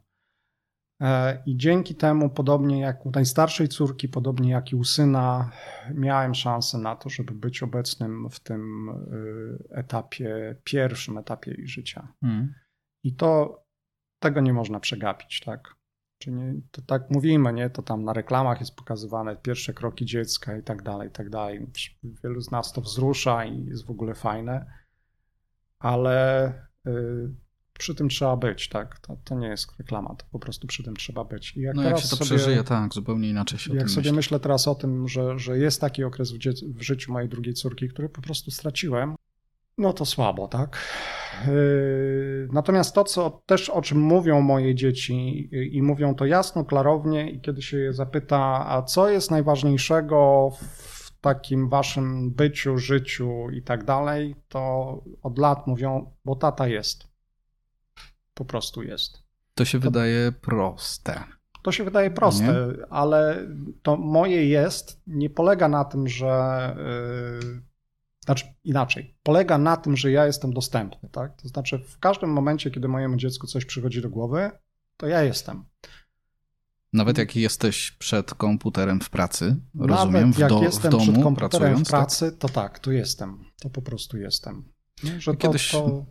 usłyszałem y, taką, jak to nazwać, radę, że jeżeli jesteś, pracujesz zdalnie, co jest ostatnim udziałem bardzo wielu Polaków, ta liczba osób pracujących zdalnie się zwiększyła skokowo, no to musisz się tak naprawdę nastawić już, jakby przestać się oszukiwać, że ty siądziesz na 8 godzin i nikt ma ci nie przeszkadzać i jakby na siłę pewnie rodzina jest w stanie się do tego dostosować, ale to z drugiej strony no nie jest do końca zdrowe i dziecko powinno mieć prawo też, nie? Po prostu przyjść i, jakby nastawiasz się na to, że to będzie jakoś rozpraszające, Potem wrócisz, to zajmuje czas oczywiście, żeby z powrotem jakoś w ten rytm pracy wejść i, i, tak dalej, ale, ale to jednak trzeba przyjąć. Wiesz co, praca to praca, ale trzeba się przyjrzeć temu, co robimy po pracy. Mhm. Przychodzę do domu i co? Znaczy dzisiaj to też wygląda inaczej, ale powiedzmy tych 20 lat temu, tak? Telewizja, znaczy u nas akurat telewizora nie było, tak? Ale jakieś własne zajęcia. Nie? To tutaj usiądę, poczytam książkę albo. To fi wiem, przepraszam, gazetę, fi albo... filmy na rzutniku, czy? Y, tak, tak, tak. Mhm. To, to y, tak, tak, tak, tak, tak, tak, tak. Za 20 lat już nie mamy chyba telewizora. Mhm. Y, nie, i, i jakby, wiesz, okej, okay, nie, ale przychodzę do domu, po prostu mnie nie ma. Znaczy jestem, fizycznie siedzę w tym fotelu, ale mnie nie ma. Tak? I to jest, to jest tą rzeczą najtrudniejszą, że, że przychodzimy po tej robocie, jesteśmy zmęczeni, wyłączamy się, dziecko do ciebie coś mówi, a ty nawet nie wiesz, że do ciebie coś mówi. Więc tutaj mówię o takiej dostępności, tak, że ja tak. mogę siedzieć i mogę, nie wiem, tam, nie wiem, cokolwiek, tak, robić coś gdzieś tam, czy czytać książkę, nawet jeżeli to są takie rzeczy czy, czysto wytchnieniowe, ale wtedy jest, tak, znaczy dziecko przychodzi i mówi, to ja nie jestem zajęty po prostu nie jestem zajęty. Jestem nie, że no, tak, tak, tak. Nie, że odpowiadam, praca jest, za chwilę i tak, tak dalej. Tak, praca jest jednak, praca jest czymś innym, tak, że, że, że i tu też nie mówię o tym braku dostępności, ale yy, bardziej chciałbym, żebyśmy zwrócili uwagę właśnie na to, że wracamy z tej pracy i wtedy, wtedy nie ma, że, że mnie nie ma, tak? A mnie nie ma. To się zdarza ojcom, to się zdarza matkom, tak? Że, że działamy na jakimś automacie, nie wiem, sprzątanie, gotowanie, zakupy i tak dalej, i tak dalej. Dziecko chodzi gdzieś dookoła. Ja nawet nie wiem, co się dzieje. Tak. Y, Darek Supiał z inicjatywy Tatonet kiedyś zrobił taką ankietę, w której było takie proste pytanie. Jak się nazywa najlepszy przyjaciel twojego dziecka w przedszkole? To jest pytanie do ojca. Jak dzisiaj, tato, słuchasz tego, co ja mówię do ciebie i wytrzymałeś jeszcze do tej pory, nie, nie wyłączyłeś tego. No, godzina tego, minęła, nie wiadomo tego, kiedy. Tak, tak, tak. To powiedz, jak ma na imię najlepszy przyjaciel twojego dziecka? Jak nie wiesz, to mamy robotę do zrobienia. Po prostu mamy do zrobienia roboty. I to nie jest robota, znaczy to jest robota do zrobienia samemu ze sobą tak. po prostu, nie? No bo tak, możemy od razu jako faceci pójść w działanie takie, że no to ja wtedy muszę, nie wiem, przeczytać 50 poradników y, i zaplanować, y, że w czwartek o 16 siadam z dzieckiem i nie wiem, będę mu czytał, czy będę coś tam z nim robił. Tak, albo nie mam ankietę chodzi, do wypełnienia, żeby wiedzieć, co się zmieniło. Jak się nazywa twój najlepszy, jaką książkę przeczytać, co cię interesuje tak? No nie, nie, nie. Chodzi o to, żeby być. Jak będziemy, jak będziemy z tym swoim dzieckiem, to po prostu to wszystko będzie się inaczej układało. Mhm. Dzisiaj i za 20 Teraz lat. mówimy, wiesz, o dzieciach y, przedszkolnych. To są dzieci, które przychodzą. One jeszcze przychodzą. I właściwie mam wrażenie, ty, na tym etapie one nas prowadzą przez to, co możemy z nimi robić. Tak myślę, mhm. nie? Że, że tutaj warto się wsłuchać po prostu w dziecko. Natomiast tak, później fajnie. się zmienia nie dotykaj mnie. Tak. Po co tu wchodzisz? Zostaw te drzwi. Ojej, nie będziesz mnie pytał o wszystko, to moje życie. Ale prawda jest taka, że to jest potrzebne. Znaczy, dzieci, które e, nawet jeżeli, to jest też moje doświadczenie, e, czasami naprawdę trudne, dzieci, które mówią: Nie rusz mnie, nie pytaj, nie interesuj się, e, to pod spodem wcale tak nie jest. No. Wcale tak nie jest, nie? I, i żebyśmy nie ulegli też, tak, że, że Okej, okay, jak nie chcesz ze mną rozmawiać, to nie no. rozmawiaj, to będziesz miał 30 lat, to przyjdziesz pogadać. Ja próbowałem. to tak, to rzeczywiście, rzeczywiście, rzeczywiście, znaczy nie, nie, jako ojciec po prostu nie odpuszczam. Znaczy ona mnie wykopuje drzwiami. Mówię, dobra, to wykopiesz mnie drzwiami, ale jutro wrócę oknem. Mhm. I znowu cię zapytam, a co tam, a jak tam, a gdzie tam? A może coś byśmy, nie rusz mnie. To jest też pewnie inaczej kiedy my mamy, nie wiem, zakładam okres dwóch lat, kiedy, czy mówiłeś, miałeś takie trzy lata e, pracy z e, permanentnymi nadgodzinami, mhm. jakby straciłeś ten pierwszy okres w życiu twojego dziecka, zdarzać nam się mogą takie okresy.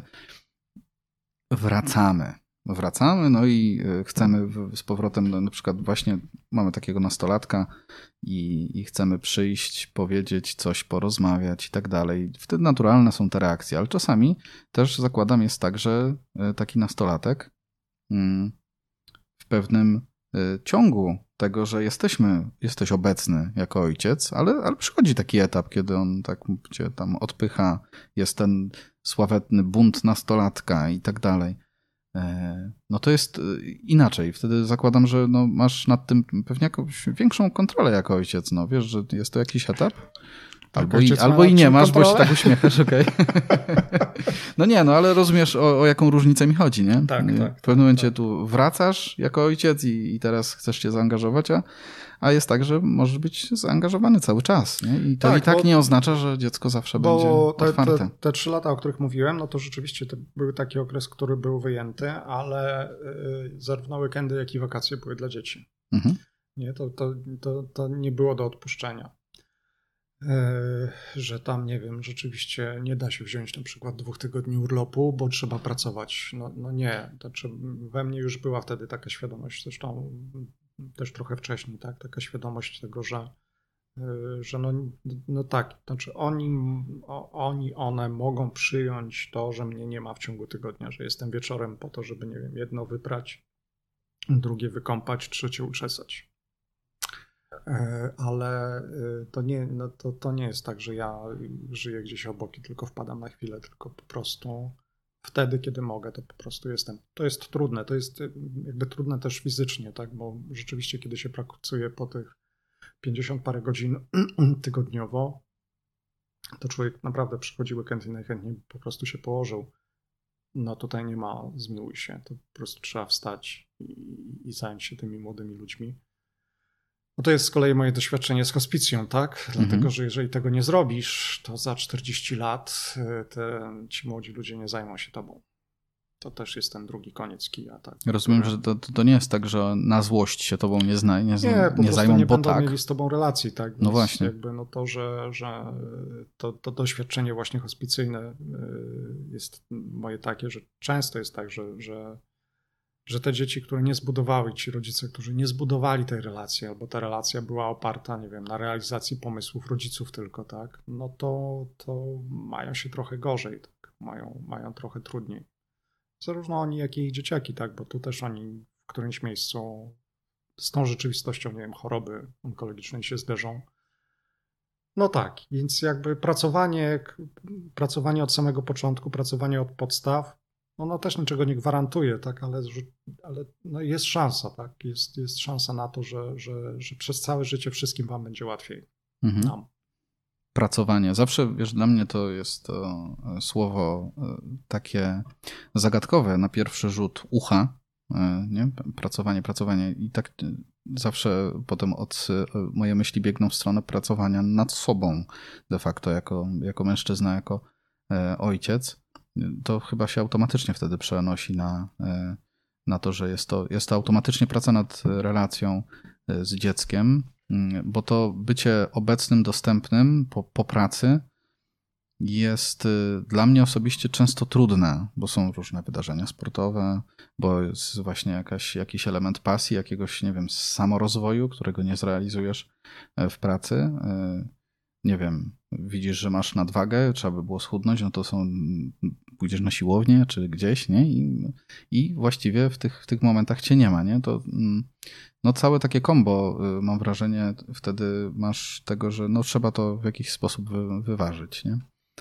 No to myślę, że to jest taka mądrość którą się po prostu, której po prostu trzeba nabyć, tak? To, to, ja nie mam na to żadnej recepty pod tytułem zrób sobie plan dnia i powiedz od tej do tej, od tej do tej, od tej do tej.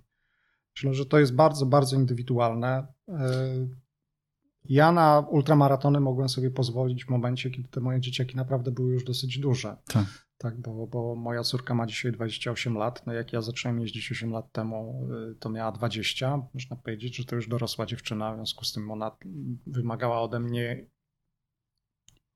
innego zainteresowania. Moja najmłodsza córka miała gdzieś tam około 8 lat, ale to też nie jest już takie dziecko, które trzeba umyć, przebrać, nakarmić i tak dalej, i tak dalej. No i pewne rzeczy po prostu są możliwe wtedy. Nie? Więc to też jest tak, że y, wyobrażam sobie, bo tego sam doświadczałem, tak? Jako ojciec, który ma dziecko w wieku lat 0, y, 3 i 6, y, no nie ma przestrzeni dla mnie. Po prostu nie ma. Tak? Mhm. No, no, wieczorem, jak wszyscy pójdą spać, to mogę sięgnąć po książkę, tak? I, i, i, tyle. To już, już jest dobrze. To jest dobrze. Y, natomiast to, to co, co y, jakby przychodzi z wiekiem, to tak, z wiekiem okazuje się, że jest przestrzeń. Po prostu jest przestrzeń do tego, żeby o siebie zadbać, tak? I, i, i że ten czas, który był, nie jest czasem straconym. On wymagał wysiłku, rzeczywiście, yy, jakiegoś tam zapięcia się i powiedzenia sobie, no dobra, no muszę z tego zrezygnować, tak? Muszę zrezygnować z jakichś rzeczy, które są dla mnie ważne, ze względu na tego młodego człowieka, którego mam w domu. Ale to wróci, tak? To, to, to, to jest rzeczywiście tak, że, że to wróci. Jeszcze bym dotknął, wiesz, tego mm, wątku rezygnacji z pracy, bo powiedziałeś o tym, że y, ograniczyłeś tą aktywność zawodową. No właśnie, do, u ciebie jak to było? Do jakiego poziomu? Takiego, żeby starczało od pierwszego do pierwszego po prostu? Czy to było takie duże wyrzeczenie pod tym kątem finansowym? E, to było na tyle duże wyrzeczenie, że w następnym roku musieliśmy złożyć wniosek do PSU o to, żeby nam sfinansował obiady dla dzieciaków. No, to grubo. Grubo, poszło grubo, e, bo e, i to też jest jakaś, znaczy ja dzisiaj ze swojej perspektywy bardzo doceniam ten moment, w którym nam zabrakło pieniędzy, bo nam po prostu zabrakło pieniędzy. To nie tak, że nam starczało od pierwszego do 15, tylko zazwyczaj nam nie starczało między pierwszym a drugim. Mieliśmy taki rok, e, który był po prostu finansowo dramatyczny, ale też postrzegam go jako taki rok e, zarówno naszego rozwoju emocjonalnego jako rodziców, jako małżeństwa, rozwoju świadomości, powiedziałbym, finansowej naszych dzieci, y, które miały już wtedy tam po parę lat i dla których y, było jasne, że mm, no po prostu na niektóre rzeczy sobie nie możemy pozwolić, żeśmy tego nie ukrywali w żaden sposób. To jest trudne, kiedy dziecko, rozumiem, widzi, że inni sobie pozwalają na coś, tak. a my nie możemy. Dlaczego? Tak. Mhm. I też odbieram to jako jako taką drogę e, również moją, jeżeli chodzi o e, ośrodek Fundacji Światło Życie, którego jednym z celów jest działalność charytatywna. To znaczy, w momencie, kiedy samemu doświadcza się tego, ja, to ja mówię w tej chwili bez przesady, tak? Mieliśmy takie dni, kiedy żeśmy wstawali rano i ja wiedziałem, że nie mamy na chleb. I to, to, no to dosłownie w ten sposób wyglądało. To z jednej strony dla mnie, jako dla ojca, dla mężczyzny, było głęboko frustrujące. E, natomiast e, dzisiaj, jak patrzę na to, e, ze strasznym bólem patrzę na ten czas, ale mam też świadomość, że w momencie, kiedy ktoś do mnie pisze, słuchaj, mam trudną sytuację, to mi jest łatwiej mi jest podjąć działania, które takiemu człowiekowi e, pomogą, tak? Bo szczególnie jak to piszą mężczyźni, bo ja wiem, co się tam z tyłu dzieje. Oj tak. Tak, i, e, i to jest e, tak jak różne rzeczy w trakcie, kiedy one trwają, to oceniamy bardzo negatywnie, nie? I podchodzimy do nich, że no po prostu koniec świata i takiego nieszczęścia to jeszcze w ogóle to w momencie, kiedy zaczynamy na to patrzeć w pewnej perspektywie, mm, to, to, to się zmienia, tak? I ta moja decyzja o tym, żeby zostawić jedną robotę i zacząć robić coś innego, ona była wtedy zupełnie przemyślana. Tak, od takiej strony, y, od takiej strony organizacji życia, pracy i tak dalej, i tak dalej. Ja wtedy mam świadomość, że po prostu popełniłem duży błąd nie odchodząc z tego miejsca, w którym pracowałem, ale jakby nie przygotowując sobie odpowiedniej płaszczyzny na to, co będzie następnym w ciągu mm -hmm. następnego roku. E, natomiast e, natomiast no, dzisiaj patrzę na to po prostu w taki sposób, że Pan Bóg zadziałał. Znaczy on chciał, żeby to tak było i on chciał, żeby to tak wszystko się Czyli ułożyło. Pan Bóg chciał, żebyś podjął złą decyzję. Żebym podjął decyzję, która z punktu widzenia ojca i męża nie niedorzeczna. Była niedorzeczna mhm. zupełnie. Zupełnie tak. niedorzeczna. A miałeś takie myślenie w tamtym momencie, jak A podejmowałeś tę decyzję? W sensie na, na zasadzie, że Pan Bóg się zatroszczy. Y, ja zawsze mam takie podejście, że to jest jakby, znaczy, że ja, y, czy śmiejemy się z żoną, mamy taki sposób rozeznawania woli Bożej na zasadzie armii radzieckiej rozminowującej pole minowe, tak? Znaczy, najpierw sprawdzamy, czy nie wybuchnie. Jak nie wybuchnie, znaczy, że to dla nas i robimy dalej, nie? Natomiast okay. jak wybuchnie, no to sorry, ale trzeba Poskładamy posprzątać. się jakoś. tak, okay. to jest dosyć, dosyć zabawne, tak? Bo tutaj y, wiele osób mówi o tym, że rozeznaje to modlitewnie, nie wiem, czytając pisma i tak dalej, i tak dalej. Różne te metody są do tym, e, e, jakby zaczynając od tego, że no, tak, to jest też inny temat. W każdym razie u nas, u nas e, w domu, w naszym małżeństwie po prostu pewne metody rozeznawania woli Bożej nie działały i dalej nie działają. W związku z tym świetnie działa nam się, świetnie nam się sprawdza to, to ta, ta metoda rozminowywania pola, czyli depczemy, jak nie wybuchło, znaczy mamy robić. Okay. Jak wybuchło, no to znaczy, że to nie było dla nas. E, I jakby to zaakceptowaliśmy już w tej chwili. E, w jakiś tam sposób e, to po prostu realizujemy. Siadamy, myślimy, ok, to, to, to, dobra, to spróbujmy coś tam. No i wychodzi albo nie wychodzi, tak? I to bardzo nas też w taki sposób uwolniło, ale zawsze myślę o tym, mm, tak, zawsze myślę o tym w takim kontekście, że i tak na końcu e, te moje działania e, są uzależnione od woli Boga. Tak? Czyli jak on się nie zgodzi, to z tego nic nie wyjdzie. Mhm. Tak. Ja dziwię się sobie e, trochę, że pewnie te rowery to wyparły z dotychczasowych moich pytań w ramach naszej rozmowy, ale że nie zapytałem też o jakąś rolę, na pewno bardzo konkretną rolę Pana Boga w Twoim ojcostwie, Twojej o Twoją relację z nim. To, to jest tak, że ona się jakoś też zmieniała na przestrzeni już no, wielu lat nie? bycia mm. twojego, twojego z dziećmi. Zakładam, że to taka rzeczywistość dynamiczna. Jak wszystko, tak? Mm. Wszystko, co dotyczy ojcostwa. Ja jestem w ruchu Światło Życie od 36 lat. Y, Ruch obchodzi tam chyba 50-lecie teraz, także można tam zobaczyć. Weteran, ultramaratończyk, weteran. I weteran, tak. weteran. Długodystansowiec. E, także to, to jest jedną rzeczą. Drugą rzeczą jesteśmy w domowym kościele też, czyli w gałęzi rodzinnej Ruchu Światło Życie z żoną od samego początku. To są 33 lata, 32 lata w tej chwili. E, I e, w związku z tym jakby obecność Boga w moim życiu no de facto była zawsze, tak? Bo ja trafiłem e, najpierw do wspólnoty ministranckiej, później trafiłem do wspólnoty oazowej, mając tam małych kilkanaście lat. No dzisiaj mam 53, no to, to jakby czas, który spędziłem z Panem Bogiem jest już tak długi, że ja już nie pamiętam, co było wcześniej. Długi. Tak?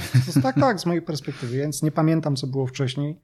Natomiast mam też taką świadomość, że e, tak jak każda droga, to i ta droga się rozwija. Tak na początku to była rzeczywiście była wspólnota oazowa i to słynne takie harla harla, czyli to, to uniesienie takie emocjonalne związane ze spotkaniem A, z Panem okay, Bogiem, okay. gitara. Mówisz o takich glosolaliach różnych też, co? Też, no, tak, okay. tak, tak. To, to wszystkie tak te rzeczy, które, mhm. które, które, które temu towarzyszyły. No i jest dzień dzisiejszy, który, w którym jest mi bliżej do Jana od Krzyża i absolutnej ciszy i nie mówienia o niczym. Jakby to, taką drogę przeszedłem. I myślę, że z ojcostwem jest tak samo. Także na początku, yy, na początku w jakiś tam sposób yy, też była jakaś taka głęboka fascynacja tym wszystkim i tak dalej. I dzisiaj taki głęboki pokój, kiedy patrzę na, na, na problemy czy na wyzwania, przed, które stoją przed moimi dziećmi i troski, jakie ja mam w sercu, tak? Znaczy, niewiele mogę zmienić. Niewiele mogę zmienić. Mogę trwać, mogę się przy nich e, modlić, mogę e, od czasu do czasu coś podpowiedzieć, jak mnie zapytają. Nie, ale to też jest taki proces, tak? Na początku trzeba było umyć, wykąpać, nakarmić cokolwiek, tak, zaprowadzić do przedszkola i tak dalej. Dzisiaj moja 15-letnia córka podejmuje decyzję o tym, jaka, jaka szkoła. Ona podejmuje decyzję, tak? No ja mogę podjąć tę decyzję, ale znaczy mogę jej pomóc w podjęciu tej decyzji. Ale czy ona będzie lepsza niż jak ona sama ją podejmie?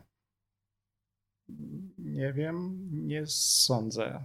Będzie inna po prostu, tak? Nie masz w każdym razie takiego zdania o sobie, że ty na pewno będziesz wiedzieć lepiej. Na pewno nie będę mhm, wiedział lepiej. Okay. Na pewno nie będę wiedział lepiej. W sumie to jest y, fajna puenta, bo tak myślę, kończymy już, e, kochani. E, na, na liczniku godzina 22 to i tak pewnie idziemy na rekord w naszych rozmowach siewcy. To jest tak, nie, na, na pewno nie będę wiedział lepiej. E, to, to może być ciekawe motto, po prostu takie ojcowskie. E, tak, która nam jakoś pokazuje, że nie jesteśmy alfą i omegą, a, a chcielibyśmy być jako ojcowie. Myślę, to takie błędne wyobrażenie ojcostwa jako takiego. Mnóstwo wątków, e, mnóstwo treści, tak myślę, i mnie mocno wyobraźnia pracowała e, i na tych, i w tych Apalachach i innych pasmach górskich amerykańskich i w tym, jak opowiadałeś o, o swoich relacjach z dziećmi, o swoim życiu po prostu, więc za to świadectwo Mikołaju bardzo dziękuję. Bardzo proszę. Jestem do usług. Mikołaj Topicha, dolny mąż, tata, ultramaratończyk kolarski, e, pracownik Fundacji Światło Życie, również Stowarzyszenia Hospicjum Domowe, był gościem rozmów Siewcy. Pozdrawiamy Was, kochani. Bardzo serdecznie dziękuję i życzę Wam miłego czasu. Nie wiem, co będzie przed Wami, wieczór, poranek, ale miejcie dobry dzień. Spędźcie go ze swoimi dziećmi, jeżeli macie taką możliwość. Dzięki. Dziękujemy. Rozmowy Siewcy i inne nasze podcasty są dostępne na naszym portalu siewca.pl, na naszym kanale na YouTube oraz w serwisach podcastowych, m.in. Spotify i Apple Podcasts. Zapraszamy Cię do subskrybowania naszych treści, by niosły się one jak najszerzej. Do usłyszenia.